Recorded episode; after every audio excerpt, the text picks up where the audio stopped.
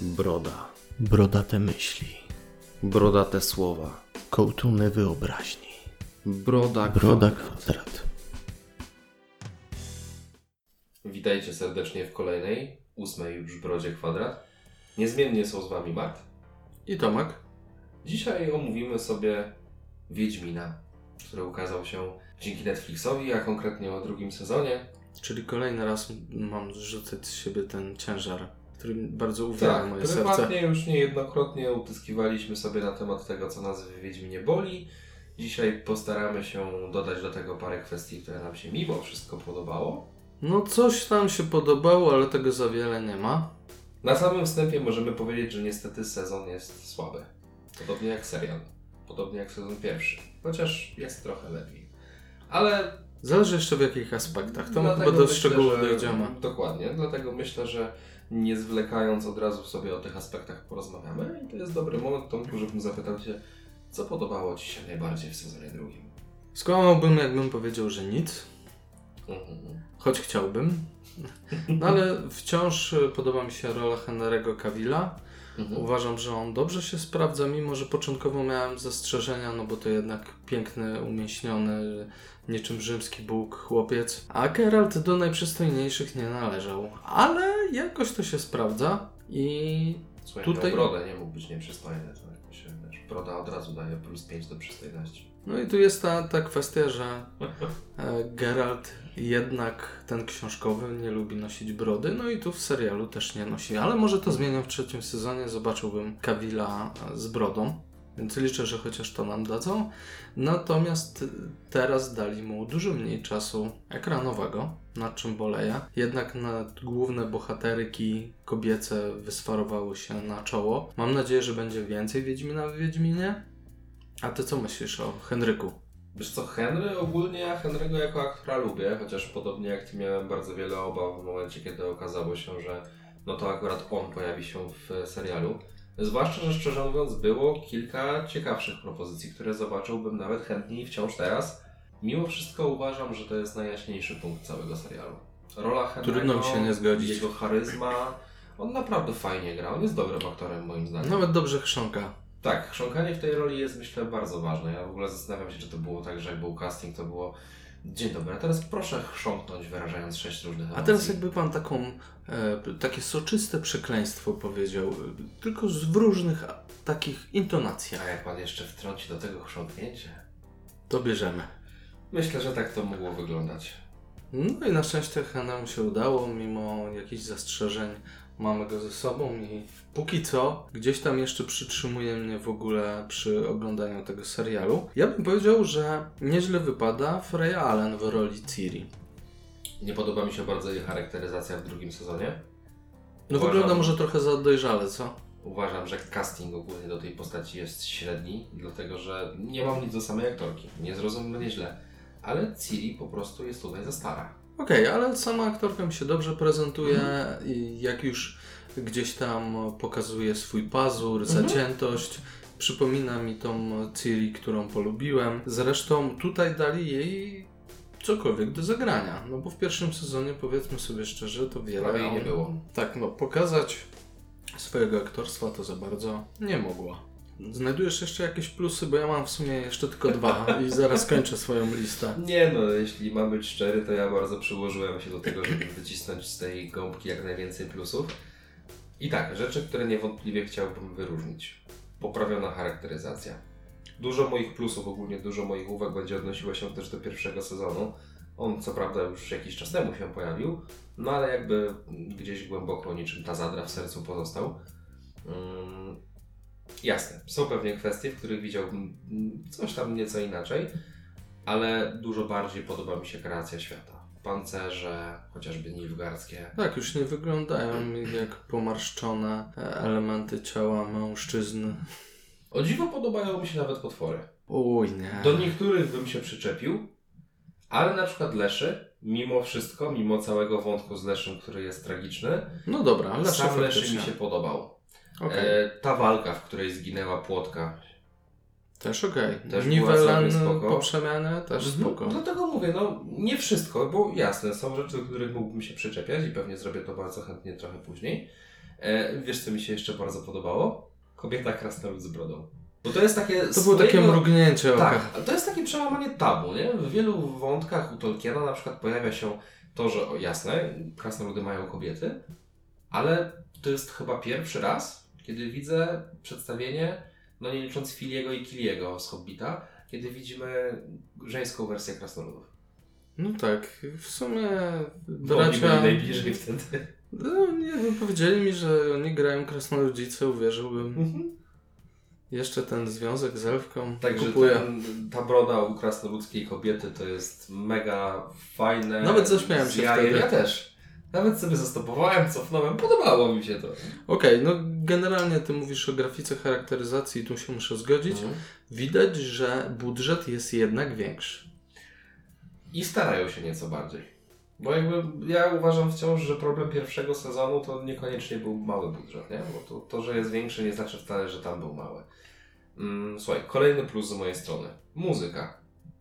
Okej. Zwłaszcza pierwsze odcinki, bo to niestety jest troszeczkę równia pochyła.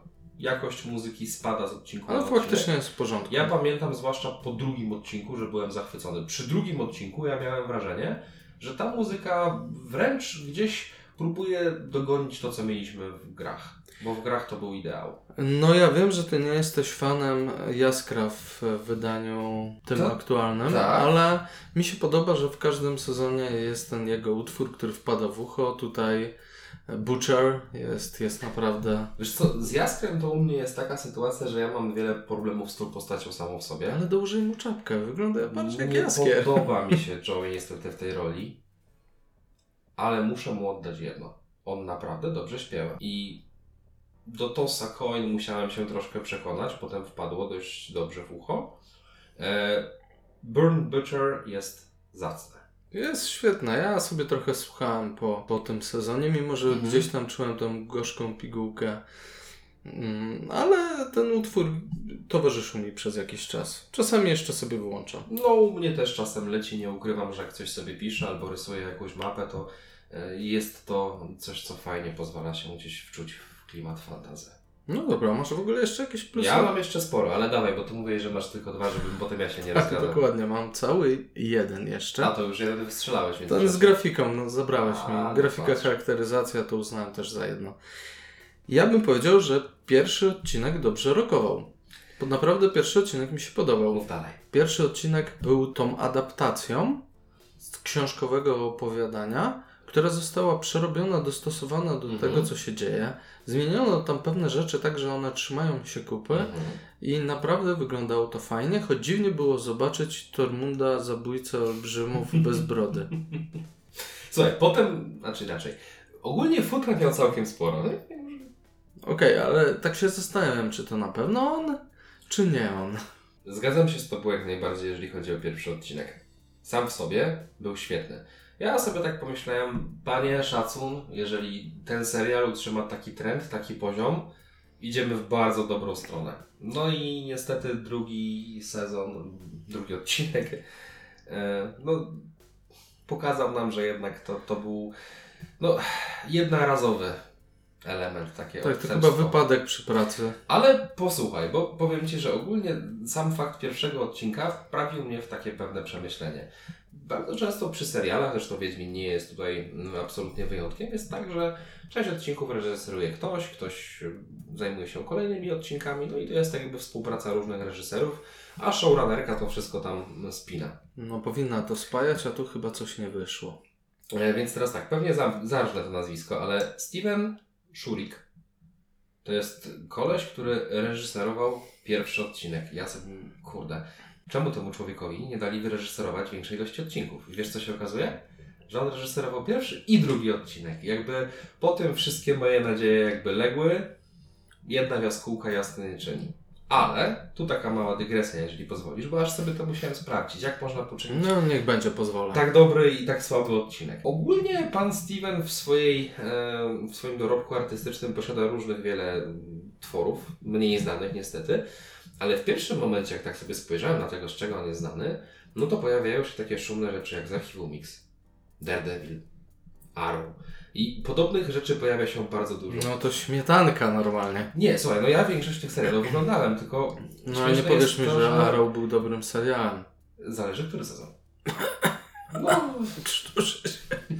Daredevil był średni.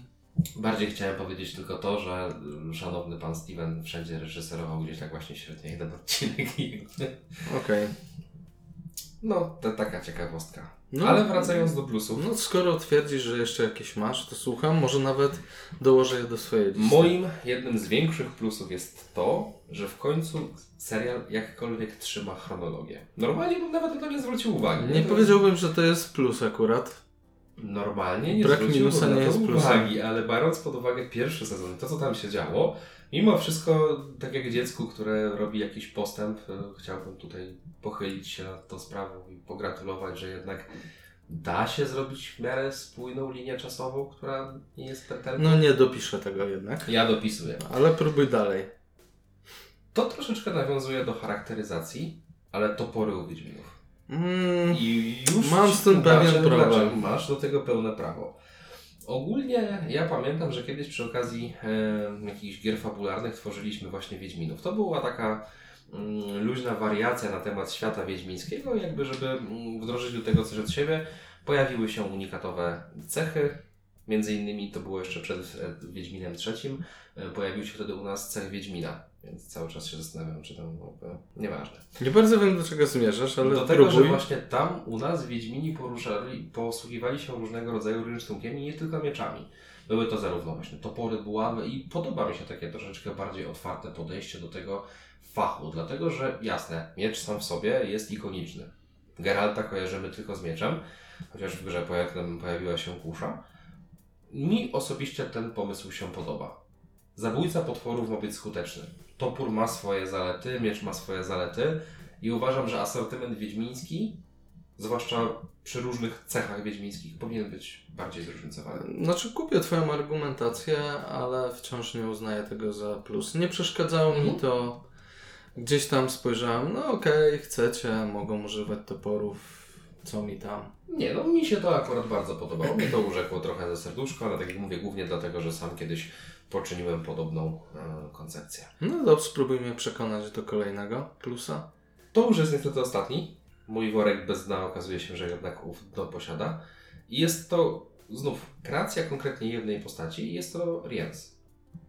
Okej, w sumie wypada dość ciekawie. Nie do końca sam początek, to z tym więzieniem w Cintrze, Mhm. jakby nie wiem po co, ale potem fajny, butny, taki, no, pyskujący bym powiedział. W sumie jestem ciekawy, co dalej Jestem bardzo ciekaw. Ja bardzo Riensa w książkach lubiłem. To był taki czarny bohater, który był charakterystyczny. Ale miał też jakieś swoje racje, przesłanki, pobudki. Na tym pewnie skupimy się za chwilę trochę bardziej, ale w całym wątku z Yennefer i jej utratą magii bardzo podobała mi się ta scena, jak oni to rozwiązali. To znowu było takie troszeczkę, bym powiedział, śmieszkowe, w sensie wypluć alkohol, który zajmie się od jego własnego płomienia, ale fajnie zaadaptowali sytuację, w której ona poparzyła mu tą twarz, no, inaczej, Mhm. a tutaj wykorzystali aspekt braku magii do tego, żeby mimo wszystko zrobić to kreatywnie. No, okej, zrobili Mhm. to kreatywnie, nie musieli używać do tego magii. No dobra, skoro będziemy przechodzili do minusów, to Czyli do byśmy, głównej części odcinka. tak, w gruncie rzeczy, e, to byśmy rozprawili się w tą kwestią adaptacji.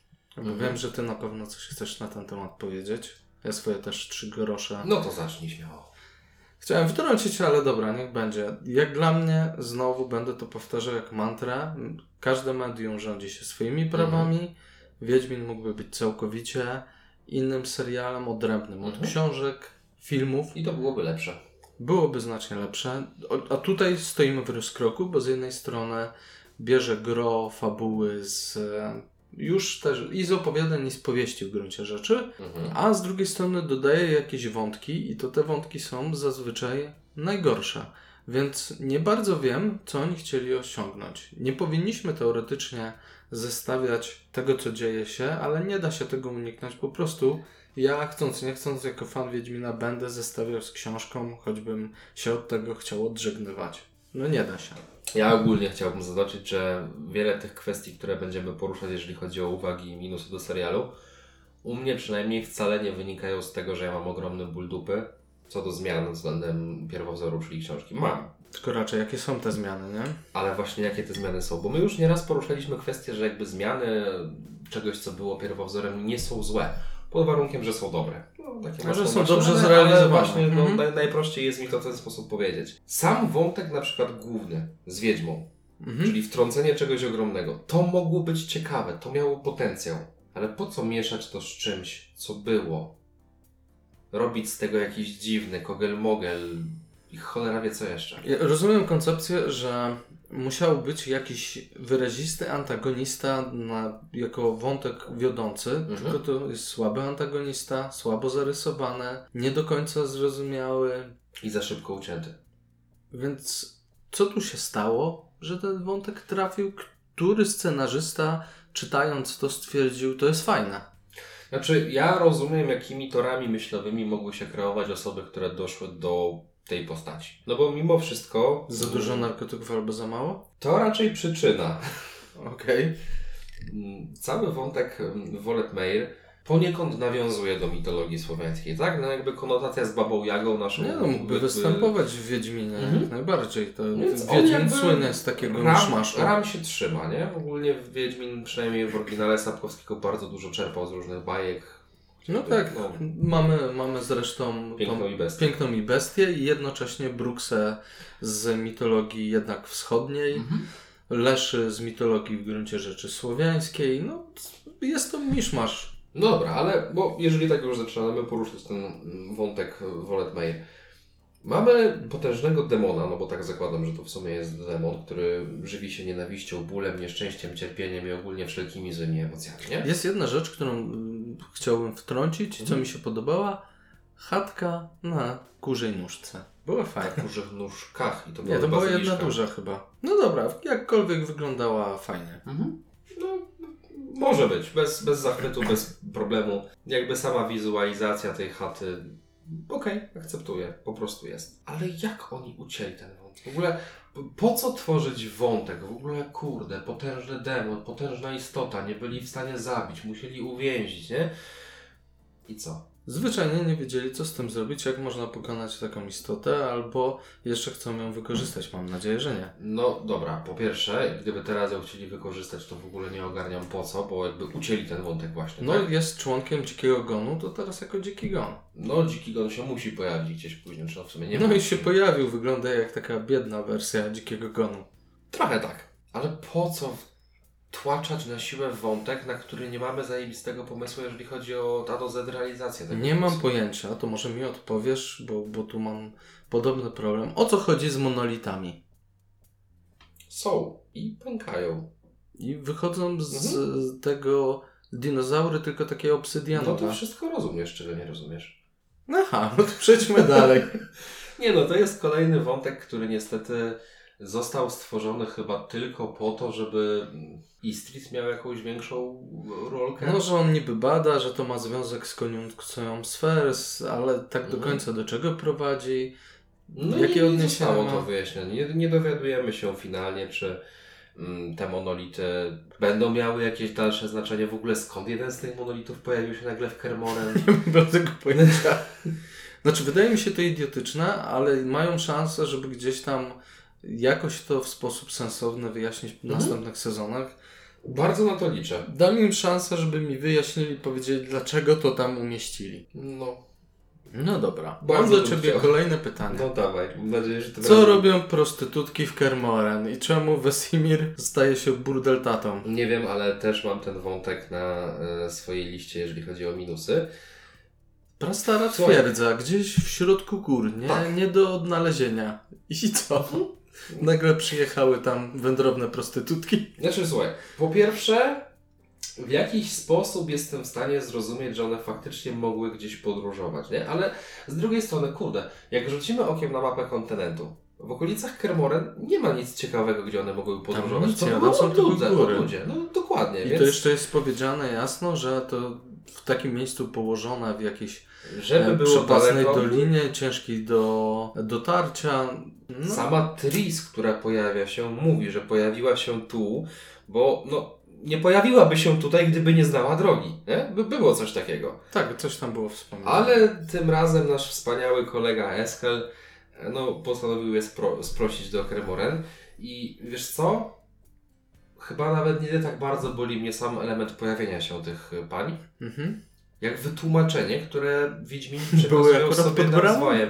Nie, jakby nie powód, nie? Bo tam pada taka jedna bardzo ważna kwestia, która zapadła mi w pamięć, nie? To chyba Wesemir powiedział. I tak nie będą pamiętały, jak to trafić, nie? A, bo jak się wychodzi z Kermoan, to od razu się zapomina i zgubią się po drodze, a może umrą po drodze. Nie no, bo wtedy wchodzi, wiesz, biała mewa. A, bia- te wiedźmińskie eliksiry, no i Tak, wszystko tak. jasne. No nie, dobra. no ogólnie ten wątek był tak z czapy, że wiesz co, ja mam wrażenie, że ten stażysta, co w MCU pracuje, to on dorabia sobie też w innych studiach. albo Po prostu Jako scenarzysta i czasami jako grafik. Mhm. To jest taki człowiek od wszystkiego, zająć. który jest do niczego. Okej, i płacą mu mało.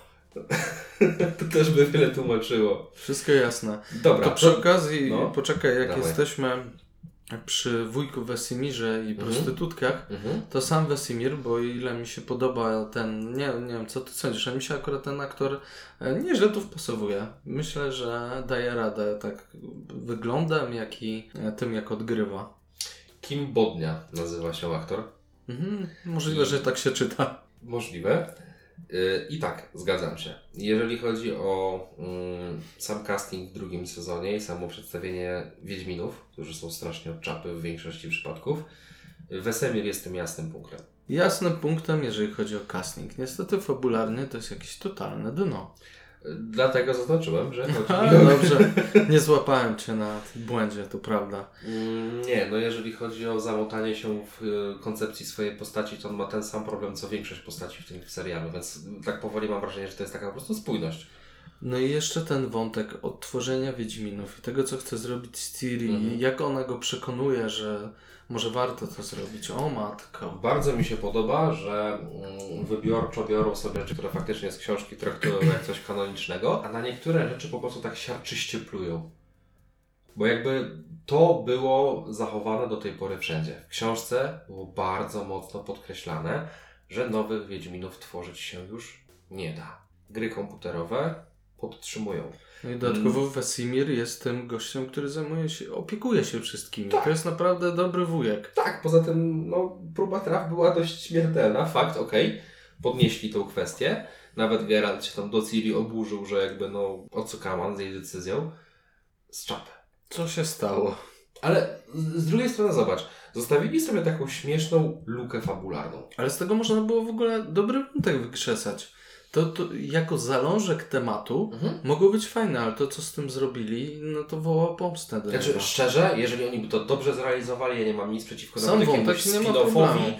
I Niech założą jakąś nową szkołę Wiedźminów i stworzą o tym jakiś nowy serial, który nie będzie miał konotacji z książką, może będzie lepszy. Znaczy sam fakt, że jednak znajdują ście tą drogę, żeby wskrzesić Wiedźminów, czemu nie? To nie musi być tak samo jak w książce czy w grze, tylko oni znowu zrobili to po prostu Od dupy strony. Tak, dziadostwo straszne. No to cieszę się, że tę kwestię mamy już ustaloną, bo faktycznie ona jest słaba jak cholera. Natomiast ja chciałbym, e, jak już tak wspomniałeś nieco o Wesemirze, poruszyć wątek, który moim zdaniem jest największym minusem, który przebija wszystkie inne i jest to właśnie niespójna kreacja postaci. I abstrahuję tutaj na chwilę od castingu, abstrahuję tutaj na chwilę od tego, czy postacie są wierne książkowym pierwowzorom, bo nie to jest powodem mojego bólu dupy. Nie są wierne samym sobie. One nie są wierne samym sobie z pierwszego sezonu. Mhm. One nie trzymają żadnego spójnego obrazu postaci. Czy my na pewno nie mamy tej samej listy? Nie nie, wiem. nie współdzieliłeś mi w tej listy? Nie, chyba nie, ale wiesz, no ciężko, żebyśmy tutaj nie dochodzili do podobnych wniosków. I wiesz co, w tym wszystkim najbardziej bolą mnie już dwie postacie. No bo ogólnie to jest bagno, gnój, No strzelaj, ciekawy jestem, czy się pokryją u nas. jaskier No nie, to się nie pokryją. i Yennefer. O, tu się bardzo pokrywa w takim razie. Ja, jak To już zacznij od wspomniałem, Yennefer. z Jaskiem, z Jaskrem nie mam takich problemów, ale wiem, jakie ty możesz mieć. Yennefer jest faktycznie największym dla mnie problemem w pierwszym sezonie i w tym sezonie. I mi ta aktorka nawet wizualnie pasuje. Nie mam z problemów z tym, jak ona wygląda. Mam problem największy z tym, że oni cały czas przedstawiają ją, jakby to była ta Yennefer właśnie z książki czy z Mhm. gier. Zadziorna, bystra, e, wredna, chamska Mhm. czasami, czy mściwa. A ja tu widzę zupełnie co innego. Mówią to, a pokazują mi jakąś ciepłą pluchę. To nie jest ta Yennefer, którą twierdzą, że widzę. starają się wpoić postaci charakter, którego ona nie odzwierciedla w swojej roli. tej aktorce nie dają nawet takiej możliwości. Zresztą ona też chyba za dobrze nie gra. Ciężko mi powiedzieć, bo ta rola jest tak napisana, że nie wiem, czy większa wina jest tego, jak gra aktorka, czy po prostu scenariusza. Ten biedny stażysta i dialogi pisane. Ania Czaldrota, bo Zapewne znowu kalczymy, ale to nieistotne. Ania Czalotra. No, Okej, nawet No, niech powiedziałem. Jeszcze sobie sprawdziłem. E, nie wiem, czy ona jest dobrą aktorką, bo ja jej nie kojarzę szczerze mówiąc z innych ról. Ja też nie. Tylko, że co z tą postacią się dzieje? Ty mówisz, że ona Ci się nie podobała ani w pierwszym, ani w drugim sezonie. Zgadzam się z Tobą, ale w pierwszej ta postać jeszcze cokolwiek sobą prezentowała. Miała upór. To, jak mówili, że jest uparta, to faktycznie pokazywali. To chociaż tyle. A teraz, szczerze mówiąc, to ja mam wrażenie, że ona okazała więcej empatii i ciepłego serca niż cała reszta magów razem wzięta. I za bardzo nie rozumiem, skąd wynika jej zdrada w sytuacji, gdy pokazują ją jako postać ciepłą, taką uczuciową, emocjonalną. No bo w tych momentach nawiązuje do tej próby kreacji, które tworzą inną postać. No dobra, to skoro jeszcze jesteśmy przy niej, Mhm. to jedna taka rzecz, próba lojalności przez ścięcie. O, Kto to wymyślił? Jezus, nie no, w ogóle koncepcja mega fajna, nie? Jakby czarodzieje, którzy z tężyzny fizycznej raczej nie słyną, mają dokonywać egzekucji, a konkretnie jeszcze ona, dość drobna kobieta, toporem dwuręcznym, katowskim. Ale pomijając aspekt fizyczności, jako udowodnienie lojalności, że nie jest się szpiegiem, zabicie wrogiego generała na oczach e, kolegium magów i królów północy. No bo generalnie nie istnieje coś takiego jak podwójny blef i zapamiętaj sobie to na wszystkie nasze gry z motywem zdrajcy. Okej, nie będę możesz robić dobrych rzeczy, w sensie nie mógłbyś zablefować tak, że robisz coś, żeby swoją fałszywą tożsamość podbudować, nie? Nie. Forbidden. Tak bardzo nie rozumiem tego wątku. Tak bardzo uderzyłem się Hmm? w czoło, jak zobaczyłem to. No, cały ten wątek czarodziejów jest po prostu niespójny, nielogiczny, ma dziury. Ta scena z torturami NFR, Ojej. po co? W ogóle oni tu próbują pokazywać ten aspekt polityczny Wiedźmina, który Mhm. w książkach był ujęty bardzo fajnie, ale był dość chaotyczny. Był chaotyczny, ale no, polityka poniekąd chaotyczna jest. Jakby po przeczytaniu całej sagi jesteśmy w stanie mniej więcej orientować się, co dzieje się w tych państewkach, jak tam wygląda e, sytuacja tutaj. Już pomijam fakt, że no okej, ciężko skumać, który król jest którym. E, z królową Maeve było łatwiej, Tak, tu była jedna. Ale co No. to jest w ogóle za koncepcja, że nagle wszyscy już na tym etapie wiedzą, no bo fakt faktem, ten wątek poniekąd się pokrywa z książką. Nie, oni faktycznie zawierali spisek, żeby pozbyć się dziecka starszej krwi, no bo była tam na drodze do sukcesji tronu Cintry, co nie było im na rękę. No, Okej. no był, był. Tylko on tutaj się pojawia bardzo szybko. I ogólnie mam wrażenie, że poruszanie się po kontynencie jest dziwnie interpretowane. Szczególnie w jednym z tych ostatnich odcinków, jak oni z Cintry jadą do Kermoren, Mhm. gdzie przejeżdżają pół kontynentu tak naprawdę. No I to jest pokazane jako takie mgnienie oka i jeszcze jechali z kimś, teraz tego nie ma, tej osoby nie ma, a nie, jednak jest już w zamku. O co w tym chodzi? no, Gdzie jest kontinuum czasu przestrzenne? Słuchaj, zrobili na pewno duży plus, jeżeli chodzi o linię czasu. Może tego typu rzeczy też wyeliminujemy. Może to jest metoda małych kroczków. Bądźmy dobrej myśli. Znaczy ja rozumiem, na tym wykładała się Gra o Tron w ostatnich sezonach, ale tam jakoś mniej mnie to uwierało niż tutaj.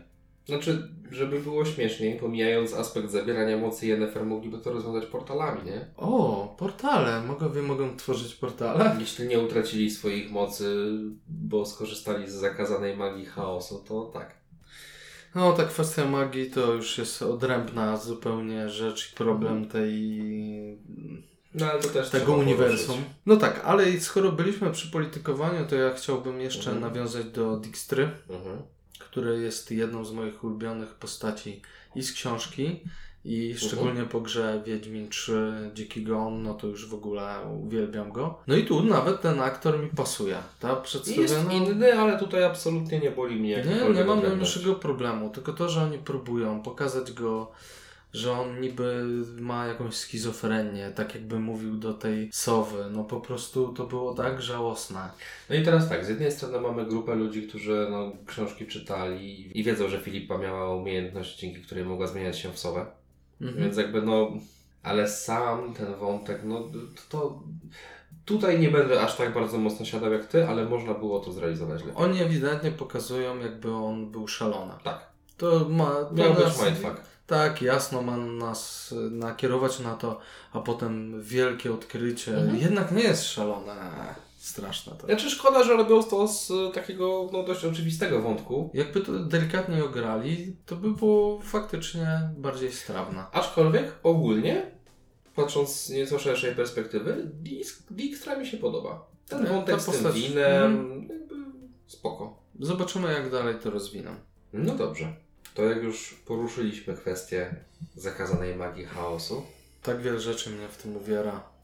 Ja przede wszystkim starałem się dojść gdzieś w swojej głowie do ewentualnych przyczynek całej tej inspiracji. Czy to w jakiś sposób nawiązuje do tej kwestii, jak Cyrilla błąkała się po pustyni i tam próbowała zaczerpnąć z ogniska, bo poprawnie, ale tam był chyba dokładnie taki wątek, tak? Że ona próbowała zaczerpnąć z ognia, No coś po to, żeby jakby uzupełnić swoją energię, żeby móc korzystać z tej magii, której do tej pory dopiero co się uczyła. No ale po co przenosić to na Yennefer? Jakby Yennefer oddzielona od swojej mocy traci na finalnym obrazie swojej postaci, którą jest czarodziejka. Najpotężniejsza czarodziejka, którą Geralt poznał, jak sam przyznaje. Szczególnie, że tutaj nie wykorzystują tego wątku w ogóle utraty mocy. Ten kryptowątek, że ona dlatego zgadza się na propozycję wiedźmy, no Mhm. jest Naciągane. straszliwie naciągane, tak. Kontynuacja kwestii magii. Jeżeli magia ognia jest tak trudna do okiełznania, no już okej, zostawiam Riensa w spokoju. Załóżmy, że to jest jednostka, która jest wybitnie uzdolniona akurat w tym kierunku, zostawmy to w świętym spokoju. Dlaczego Geralt bez problemu używa znaków Inji? Dlaczego jego miecz może jarzyć się niczym miecz świetlny za pomocą, zakładam, tego znaku, bo innego wytłumaczenia No. też nie widzę. No, on rzuca inni na lewo i prawo i jakoś mu to wychodzi. No ale pomijając jeszcze nawet ten aspekt magii ognia, to przecież pokazali nam tą magię Nilfgaardu. Mhm. w której musisz poświęcić czarodzieja, który jest wykorzystywany do rzucenia czaru, a który musiał, nie wiem, szkolić się nie wiadomo ile lat i nagle jest zabijany, żeby, żeby rzucić czar. Albo wątek węży mocy na Aretuzie. No, no, co, co się stało? Ja wiem, że to jest z pierwszego sezonu, no ale to, jaką magię sobie wymyślili, pokutuje teraz i dalej ciągną te bzdury. Mhm. To ja jeszcze w kwestii magii mam do Ciebie jedno pytanie. Mhm. Jakim cudem Cyrilla w ciągu krótkiego czasu, ciężko mi jest tam dokładnie zawyrokować, ile tego było w serialu, ale niewiele. Oni przybyli do świątyni Melitele i pojawia się ten orb magii, który miał jej pomóc w nauce. No i co, spontan, nie? Od razu. Teleportacja, budowanie magicznych mostów, kolejna teleportacja. Strasznie zraszowali ten wątek. No pewna niekonsekwencja jest. Niby magia trudna, ale to tak jak w tym Spidermanie, net łapie to od razu. To taki tutaj Cyril najwidoczniej ma większy talent. Wiesz, ja rozumiem, tak? Dziecko starszej krwi, pani jeziora, w ogóle no finalnie gdzieś wsadzę najpotężniejsza postać, jeżeli chodzi o świat wiedźmiński. Tak mi się przynajmniej wydaje, tak? No przynajmniej z tych głównowątkowych postaci. Ale naprawdę nie można temu było poświęcić trochę więcej czasu. Przecież sam wątek ze szkolenia Ciri, to jak najpierw zajmowała się tym Tris, to jak potem zajmowała się Yennefer. Te różnice nawet w podejściu do tego. Tyle fajnych gagów, które tam się pojawiały. Ta słynna y, rozmówka między Cyrillą a Yennefer, gdzie ta jej mówi, że ma sztywne palce, a daje jej odpyskowuje, że no to dlatego, że są do miecza ćwiczone. Tyle fajnych, potencjalnych wątków, które mogłyby znaleźć gdzieś jakieś rozwinięcie. No ale im się nie chciało, oni chcą już potężną Ciri. Ja mam tylko nadzieję, że chociaż będą konsekwentni i nagle nie, ona nie wróci do tego poziomu, że nie umiem czarować, nie wiem jak to się No robi. nie wiem, może podobnie do swojej mentorki zachłyśnie się ilością magii, albo nie daj Boże jeszcze spojrzy krzywo na ognisko i w trzecim sezonie to Cyrilla będzie bez mocy magicznej. No dobra, to ja bym porzucił już tą kwestię magii, bo ona z całą energię zaraz ze mnie wysie. Bardzo zły wątek. Francesca Findabar, elfy O, i jej przyjaźń dziecko. z niejaką Vigo. I dziecko, które I też dziecko. tutaj się pojawia po cholerę. No dobra, to zacznijmy od początku. Fringilla Vigo chyba ma być taka pisana jako e, czarodziejka. Kurwa. Tak, namiestnik w Cintrze, wielka magini, która Mhm. zajmuje się polityką i gdzieś jej to wychodzi. Nie, nie wychodzi, nawet pokazują nam, że nie wychodzi, ale No, mówią to co dość innego. tutaj wszystko i krąży wokół tego, że jej właśnie nie wychodzi. Która współrządzi z Kahirem? Czy między nimi w ogóle klei się jakiś wątek romantyczny, czy mi się tylko wydaje? Mam nadzieję, że nie, bo między nimi nie ma żadnej chemii. No, Pomijam, to że niekoniecznie musi być przeszkoda, nie? Patrząc Okej. na konsekwencje i kształt budowania niektórych rzeczy o tutaj. ile to... sam Kahir e, jeszcze póki nie zrobił sobie fryzury, ale lata 70., no to sprawiał dobre wrażenie. No i ten aktor umie grać. O tyle ta aktorka od Fringilli Vigo Mhm. jest po prostu straszna. Ona nie potrafi grać żadnych Mm. emocji. Wygląda cały czas jakby miała taką samą minę. Ona irytuje mnie nawet jak się porusza. Czemu ona dostała tą rolę? Nie wiem. Znaczy tak, po pierwsze, jeżeli chodzi o. I oczywiście pomijam aspekt koloru skóry. Mogliby dać po prostu dobrą czarnoskórą aktorkę. Znaczy nie, kolor skóry tej aktorki zwisa mi totalnie i powiewa, ale po pierwsze, okej, to jest bardzo subiektywne, ale ta aktorka nie jest atrakcyjna. Nie, jak ktoś mi mówi w tym serialu, że ona kogoś może pociągać, no nie uwierzę. Ja uwierzę, bo fetysze są różne, ale przypominam, że w książkowej mm, sadze gdzieś finalnie ona uwiodła Geralta, nie? No, zatrzymała go na trochę w Tu są. Tu są, no. Eee, ale to jest subiektywne. Jakby ma prawo się komuś podobać, chętnie posłucham argumentacji. No ciekawe, czy będzie tu wątek jej romansu z Geraltem. No Czekam. już czekam. No, Pominęli po trochę wątek romansu z Tris, więc wątpię, ale, ale kto wie. Mm, Natomiast jeżeli chodzi o samą Fringillę. Po pierwsze, z tego co pamiętam, to czarodzieje w Nilfgaardzie nie mieli zbyt łatwo i okej, Ale tutaj odchodzą od tej Tu tylko w koncepcji. książkach. E, tutaj odchodzą ewidentnie od tej Tu koncepcji. za, no bo- zabijają swoich kamratów, żeby rzucić jakiś czar. Pamiętaj o tym. Mhm.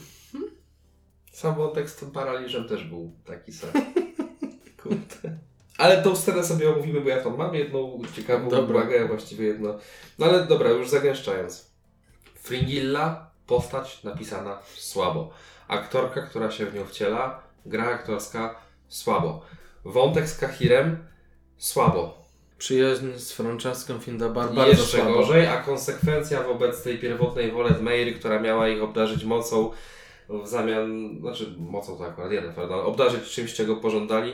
Okej, z jej strony, z pu- punktu widzenia tego demona, dawała coś, żeby zabrać, żeby to jakoś wypaczyć, doprowadzić do większej rozpaczy. Super intryga, okej. Mhm. Ale tu Tak brzmi. i w ogóle, okej, przyjaźnią się, na- nazywają się wprost przyjaciółkami. Ona próbuje ją wykorzystywać, niby nie. Potem wątek z Emyrem, gdzie wszystkie zasługi, zasługi w cudzysłowie, starają się przypisać sobie. To jest straszne. Ja się Zresztą sam w tej wypowiedzi zaczynam gdzieś powoli gubić i motać, ale to dlatego, że ten wątek Ten serialu tak jest na nas działa. słaby i on by to tam się ciężko w tym odnaleźć. Samo to politykowanie nilfgaardzkie, w to co się dzieje w Cintrze, na zasadzie dajemy wam królestwo, wam elfom, żebyście Mhm. walczyli razem z nami przeciwko królestwom Mhm. północy. Okej, rozumiem, że zmienili ten wątek. To by się kleiło. Walić do Blatana macie Cintrę, spoko. To, To się się nawet kleiło. klei. Ale rodzi się pierwsze dziecko i wszystkie elfy nagle Tak, stwierdzają, już jest dezercja z treningu. no nie, nie, my jesteśmy teraz pokojowi, będziemy rodzić. I tańczyć. I robić to, co wymaga, żeby się rodziło. I jeść szyszki, jak to elfy powinny. Dokładnie.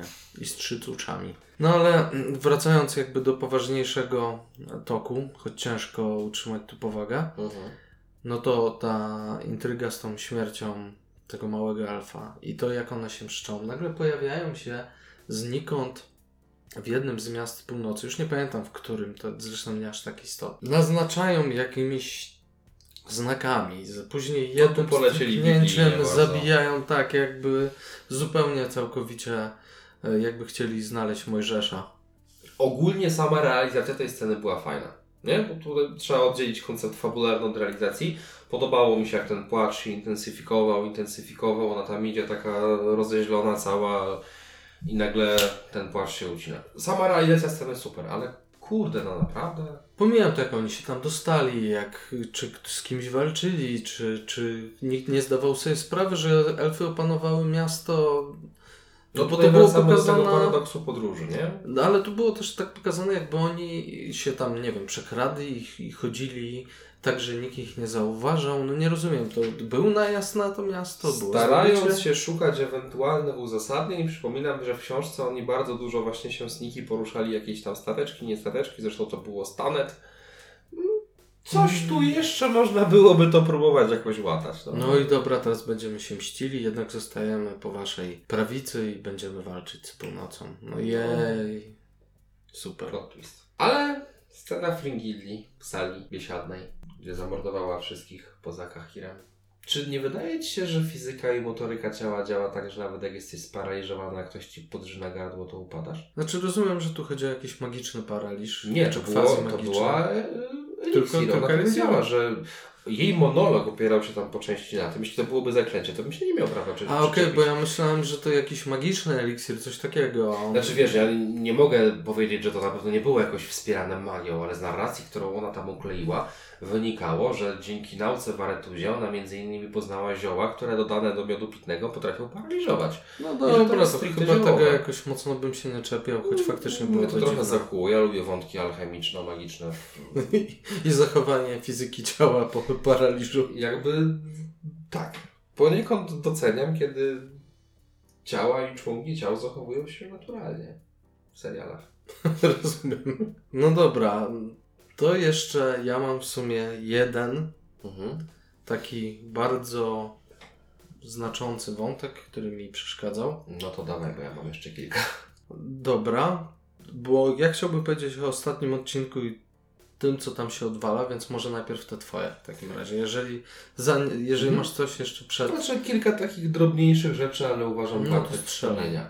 O tym już po części A, i ty wspominałem. miałeś o Jaskrze też powiedzieć. No to to jest jeden z główniejszych No dobra, moich problemów. cię. Mm, Wiedźmini. Skreowali tych Wiedźminów od cholery. No to to są kolorowi, żeby mogli Z tym ginąć. też nie mam problemu. W ogóle e, gdzieś podczas wywiadu... Tylko czemu ci kolorowi piersi giną? Czy to nie jest jakiś pierwszy rasizm? Nie, skal. Nie, mówię podczas tych walk później. Bardziej chodzi mi o to, że sama showrunnerka tłumaczyła się na pewnym etapie, że śmierć Eskela jako postaci w miarę ikonicznej e, spowodowana jest tym, że no, oni pierwotnie nawet mieli pomysł, żeby stworzyć tam jakiegoś innego Wiedźmina, który się wcześniej nie pojawiał i to on by ginął, ale jakby pojawił się Wiedźmin, którego nikt nie zna, to wszyscy założyliby, że to on zginie. Po czym trzy No to czwarte... mnie zaskoczyli. Po tym trzy czwarte Wiedźminów, które pojawiają się nawet tych imiennych, bezimiennych, no to ginie. Przecież jak pojawiają właśnie się... tą funkcję. No tak, więc i tak dążyliśmy do tego samego, więc cały ten projekt się dla mnie wykoleja. Po pierwsze, tych Wiedźminów jest dla mnie za dużo. Jak e, nawiązywali do Zmory Wilka, czyli tego anime, Mhm. e, który dzieje się W czasach młodości Wesemira. dokładnie, to on tam ratuje kilku chłopców na krzyż. Czterech chyba dosłownie. Tak. Więc albo to są ci Wiedźmini, którzy przegapili to, co się działo w Zmorze Wilka, Mogło tak być. albo on jednak uratował nieco więcej. No pomijam, bo to by było czepialstwo, Znaczy też ale nie sądzę, było że i tak to jakby dziwne. ten serial y, są ze sobą kanonicznie powiązane, więc wątpię, No, żeby tutaj... słyszałem, że miały być. Jakby Tak? ciągłość fabularna między Okej, nimi no jest. to mnie gdzieś ominęło, no to jeśli jest czegoś fabularna, no to jakby mam tutaj jeszcze większe zastrzeżenia co do tej kwestii. E, no ale przechodząc do Jaskra, żebym przypadkiem nie zapomniał. Już pomijam fakt, że sam casting no boli. Wiem, boli cię. On Nie wygląda tak. trochę jak chłopiec z boys bandu. Tak, nawet nie trochę. Mógłby Nie być tak wyobrażałbym sobie Jaskra. Ale mm, okej. Zamachowski, ten to był Jaskra. Y, Podobała mi się charyzma Zamachowskiego, ale też nie. Ale wiesz co, mi przypomina tego Jaskra, szczególnie teraz z tego sezonu, w tym ubiorze. Całkowicie mi przypomina tego z Wiedźmina, z gry, z trzeciej części. Mm, A on w grze nie miał przypadkiem jeszcze wąsika, brudki? No miał wąsika, ale jakby jego stylizacja, to jak on gra, przypomina tego Jaskra. Mhm. Super. To może wytłumaczysz mi, dlaczego Jaskier, który raczej mimo wszystko, mimo swojej głupkowatości, e, był dość bystrym chłopakiem, tak? czyni jakieś takie dziwne rzeczy, jak dać się sprowokować temu typowi przystatku, Yy, pa, pamiętasz, co mówiliśmy o tym starzycie, co pisze te scenariusze? Bo ja, bo ja cały czas mówię jako Mhm. plus tego aktora, kreację jakby postaci, a już niekoniecznie jestem chętny, żeby bronić tej głupoty fabularnej. Ten wątek był tak bez sensu. Sam serial mówi nam, że on bawił się w przemycanie tych elfów, nie? To już powinno w jakiś sposób Chyba świadczyć o sprycie. No, szło mu dość dobrze, patrząc na to, ile tych elfów jednak w tej cintrze jest finalnie, nie? Ale to i tak nie jest mój największy problem z tym wszystkim. Bo jest coś, co prawda miałem unikać raczej porównań do książek, ale jak mówiliśmy, nie da się. Coś, co boli mnie w przypadku Jaskra najbardziej No to strzelaj. jego ukrywanie jego prawdziwego imienia. To poniekąd, jego pseudonim artystyczny, no, był czymś dla niego charakterystycznym bardzo, tak? A on tutaj na prawo i lewo przedstawia się jako Julian Pankrac i jakoś to jest takie po prostu o. Nie? Coś, co było w książce Sadze poczynione taką jedną, no, my się bardzo późno, dopiero w tu są, dowiadujemy, że on faktycznie jest kimś więcej niż Jaskrem. W sumie to nie zwróciłem na to No dobra, uwagi. ty na to nie zwróciłeś uwagi, mnie to zabolało To jest straszliwie już taka zadra. drobnostka w tym morzu pomyj, że... Możliwe, ale unosi się na powierzchni. Okej. No dobra, no masz prawo do tego, żeby cię to Boli bolało. mnie to bardzo, bardzo mnie to boli. No dobra, dawaj. Czyli to chodziło do tego ostatniego odcinka? Mhm. Pieprzone dinozaury w Kermoren.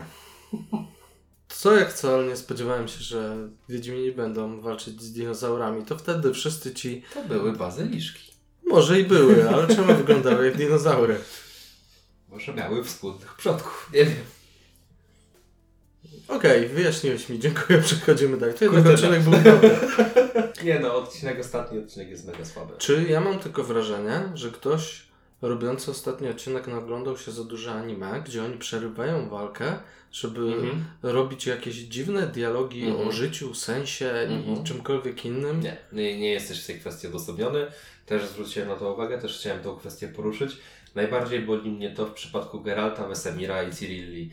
Jak Slash- stają Tak, tak, tak. Ogólnie tutaj moglibyśmy osobną, osobny odcinek w ogóle na temat całych tych rozmówek powinni zrobić, nie? Nie, nie chciałbym chyba wracać aż tak mocno do tej traumy, bo jak sobie przypominam i tą walkę i jakieś dziwne niekonsekwencje w czasie i przestrzeni, Mhm. gdzie tam dinozaur nagle wywala Geralta poza zamek, gdzie oni w ogóle w innym miejscu zaczynali, Mhm. w skrajnie innym miejscu. No to niby drobnica, ale wpływało na całokształt. Znaczy to chyba było akurat jakieś tam wyjście przez mostek z tej głównej sali. No nie, nieważne, ale fakt faktem. Tam jakby nagle nie ma czasu, żeby zrobić krok, za chwilę są po drugiej stronie, ci pilnują Cyrilli, Wesemirze pomóż, chaos. Nie wiadomo, gdzie co się do końca dzieje. I to nie jest ten chaos, który ma spowodować w naszych głowach, że te walki są chaotyczne. Nie, to Nie. po prostu ktoś nie ogarnia przestrzeni, miejsca, ustawienia aktorów, tego, co która postać robi. I jaskier pod stołem z kamyczkiem. Mhm. Jaskier i kamyczek. I- Jak się kończy wątek z kamyczkiem? Szczerze, nie pamiętam. Geralt, mam kamyczek, ale to zajęty jesteś, to chyba ci nie będę przeszkadzał. No dobra. Wątek z kamyczkiem, przepraszam, kończy się, już pamiętam, w ten sposób, że samo pojawienie się tego kamienia implikuje im pomysł o tym, że ona syci się ich nienawiścią. I oni wtedy stwierdzają, nie będziemy z tobą walczyć. Będziemy mili, będziemy cedzić miłe słówka.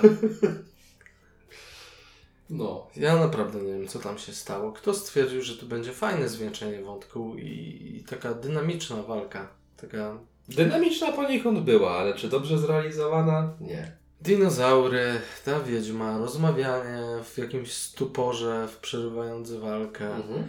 Dialogi żywcem wyciągnięte, jak No jak skąd to kończyłeś? nawet nie wiem skąd. Za, z taniego, słabego anime, z jakiejś książki dla dzieci. Jak, No, tak nie. wyglądały nasze pierwsze sesje w RPG. Macie tego złego, wy stoicie naprzeciwko, to go atakuje. Nie, nie, nie możesz go atakować, bo on teraz robi przemowę, wy z nim teraz rozmawiacie. Teraz jest cutscenka. Tak, tak. O właśnie, to w sumie jest trochę jak z gry. Ten moment, w którym widzisz, że wystarczyłoby jedno, za je, jeden ruch, jedna akcja, żeby zakończyć to wszystko, ale nie, nie, robimy stop I teraz trzeba jeszcze całą motywację wyłożyć, opowiedzieć coś o emocjach, uczuciach. I dobra, możecie chwilę powalczyć. Stop. Mhm. Znowu wyjaśniamy. Dalej. Stop, stop, stop. Najbardziej dla mnie śmieszne i komiczne było to, jak oni stali i trzymali mm, ten znak przy cywili, nie? O matko. I nagle "E, pomóżcie nam! I tam jeden koleś odbiegł, nie? I dobra, oni jeszcze jako tak otrzymają na chwilę weselnie tam jeszcze. No kurde, dosłownie, no. Hmm. Jak blondynka i wkręcanie żarówki z kawału, ile jest ich potrzebne. No come on. Się, w że ogóle- Wiedźminów jest wielu do tego potrzebnych. No, pomijam już aspekt, że no okej, dobra, potężne dinozaury, jak ty to mówisz, ale no miotały nimi. Poza tym te dinozaury wyglądały paskudnie. No, to nie są te potwory, które miałem na myśli, jak mówiłem, że fajnie No, kreowali. No, To wybra- słabo sobie wybrali na końcową walkę. no. Znaczy, zakładam, że komuś ta wizja artystyczna musiała się podobać, nie? Albo były gorsze projekty, a ten był najmniej zły. Reasumując całe te nasze wywody i przemyślenia. Parę kwestii, które jeszcze poczytałbym na plus, tak na szybciutko, takie dosłownie detale, które No teraz nie, w trakcie... się przypomniało. Y, Detale, dosłownie, No poszczególne dobra, sceny. super. Samo drzewo z medalionami, to mrugnięcie okiem, że tam pojawia się A, Wiedźmin z gry. Mhm. Poza tym bardzo mi się podoba, że każdy Wiedźmin ma swój medalion. Brakuje mi jakiejś takiej indywidualnej, wyjaśniającej kwestii, że na przykład muszą go jakoś wykuć czy coś, że to jest element szkolenia, to byłoby spoko. Ale jako takie mrugnięcie Tak. sprawdza się dobrze. Bardzo fajnie ogólnie koncept medalionu mi się podoba, że one są zindywidualizowane. Mm. Jeśli powiedziałem parę kwestii, to Cię okłamałem. Okej. Tylko ta jedna. No to słuchajcie, myślę, że zbliżamy się ku końcowi. Ja na, w ramach takiego podsumowania, zanim spytam Cię o brodatą ocenę, Mhm. to jednak chciałbym zaznaczyć, że wciąż problem leży w tym, że nie potrafią pisać wątków. Te wątki, które piszą, piszą źle, Mhm. nie dają postaciom zagrać, albo zmieniają ich charakter, charakterologię y, i spójność z tym, co było wcześniej. Sami chcieli pokazać, pokazują co innego, mówią co innego. Jest to do odratowania, ale widzę marne szanse. Na wiele rzeczy moglibyśmy przymknąć oko, a przynajmniej ja. Gdyby ten serial bronił się gdzieś fabularnie. No bo fabuła jednak jest najważniejsza. Powiem Ci szczerze, że dopiero jak mm, szykowałem się do naszego nagrania, do materiału, zdałem sobie sprawę, jak te wszystkie minusy mnie aż tak bardzo bolą. I tu jest podobny syndrom jak w przypadku Spidermana. Zdecydowanie lepszy miałem odbiór tego serialu, jak obejrzałem dość szybko, chyba w dwa wieczory, jak nie analizowałem tego jeszcze tak głęboko. Ale Natomiast... czułeś przyjemność, jak oglądałeś? Nie, ja No go właśnie. oglądałem poniekąd po to, żeby przygotować się, jakby wiedziałem, że będziemy chcieli o tym nagrać i to nie, nie ukrywam, była moja główna motywacja. Ilość negatywnego e, odbioru na temat tego serialu była tak duża, że nie wiem, czy bym go nie odpuścił. No i nie jest to kwestia tego, że internet oszalał i znajdują się jacyś hejterzy, którzy nie mają argumentów i, i narzekają na serial. No ale właśnie, teraz Tomku, tak na chwilę się jeszcze zatrzymamy, jeśli mówisz, że ludzie w internetach narzekają. E, Pierwszy sezon na Rotten Tomatoes 68, drugi 94. O matko. E, IMDb 8.2. Średnia ocena całego serialu. Jeżeli chodzi o naszego rodzimego Filmweba, no to kurde, no też ten serial nie ma złej oceny. No dobra, to może coś w tym jest, co powiedział Bagiński w wywiadzie nie tak dawno, że obecnie fabuła aż tak mocno się nie liczy, że liczą się emocje, liczy się, żeby wzbudzać te emocje, żeby coś się działo i że to trafia do współczesnych widzów, a nie ciągłość fabularna. Ja się z nim strasznie nie zgodzę. Uważam, że gada bzdury, ale najwyraźniej tylko dla nas. No my jako Polacy oceniamy na 7,4. To jest To i tak jest nasza za średnia. To i tak jest bardzo wysoka ocena. Znaczy, może Mm. ktoś, kto nie jest tak przywiązany do marki, nie ma z tym aż takich problemów. Może jednak my jesteśmy spaczeni przez to książkowe i growe uniwersum. Możliwe, chociaż ja naprawdę nie mam problemu, jeżeli zmiana adaptacji zrealizowana jest dobrze. No ja twierdzę, że też, ale jak widać, możemy sami się okłamywać. Małą taką kropelką nadziei na koniec. Powiem tylko, że wyraźnie widać przeskok między pierwszym a drugim sezonem. Może coś z tego będzie? On dalej ma wiele problemów, które omówiliśmy już dość szczegółowo, ale mam szczerą nadzieję, może jeszcze nie w trzecim, ale że gdzieś w czwartym sezonie wyjdzie z tego w końcu coś porządnego. No zobaczymy. Ja nawet nie zgodziłbym się z Tobą w kwestii tego, że fabuła jest najważniejsza, bo są twórcy, którzy pokazują, że można nakręcić dobre rzeczy Mhm. bez y, jakiejś specjalnej fabuły, że skupić się na postaciach, aktorach, ale tu nawet tego brakuje. Znaczy jasne, zależy od konceptu, możemy bawić się innymi rzeczami. W Wiedźminie jednak no, fabuła dla mnie będzie miała zawsze priorytet. No ale No u mnie chyba jednak bardziej przywiązanie do postaci i relacji między innymi. Między nimi. jedno i drugie leży w tym wypadku. Tak, dla mnie to, co było w książkach najważniejsze, Mhm. to były relacje między postaciami, to jaka chemia między nimi się rodziła.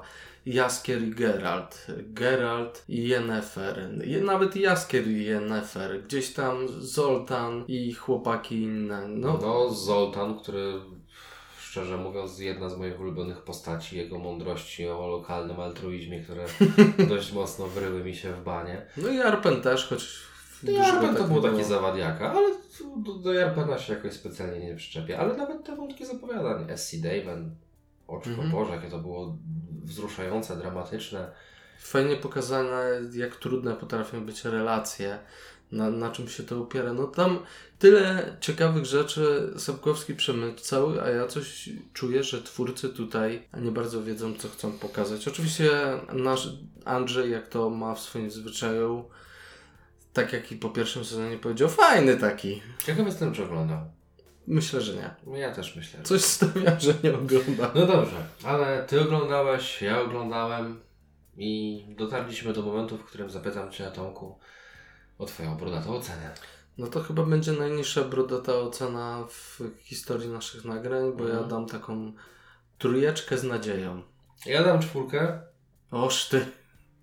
ale tylko dlatego, że jest tam kilka rzeczy, które mnie mimo wszystko cieszą i powodowały uśmiech. Nie ukrywam, że sporą część tej oceny na swoich barkach dźwiga Henry. Tu się akurat zgodzę. I tym niezbyt optymistycznym akcentem z promyczkiem nadziei będziemy się z Wami żegnać, ale jeszcze na sam koniec Jeśli podoba Wam się content, który tworzymy, to wpadnijcie na naszego Instagrama, którego prowadzi Tomek. zajrzyjcie na Facebooka, którego prowadzi Mart. Przy mikrofonach byli Mart, i Tomek. Do Do usłyszenia.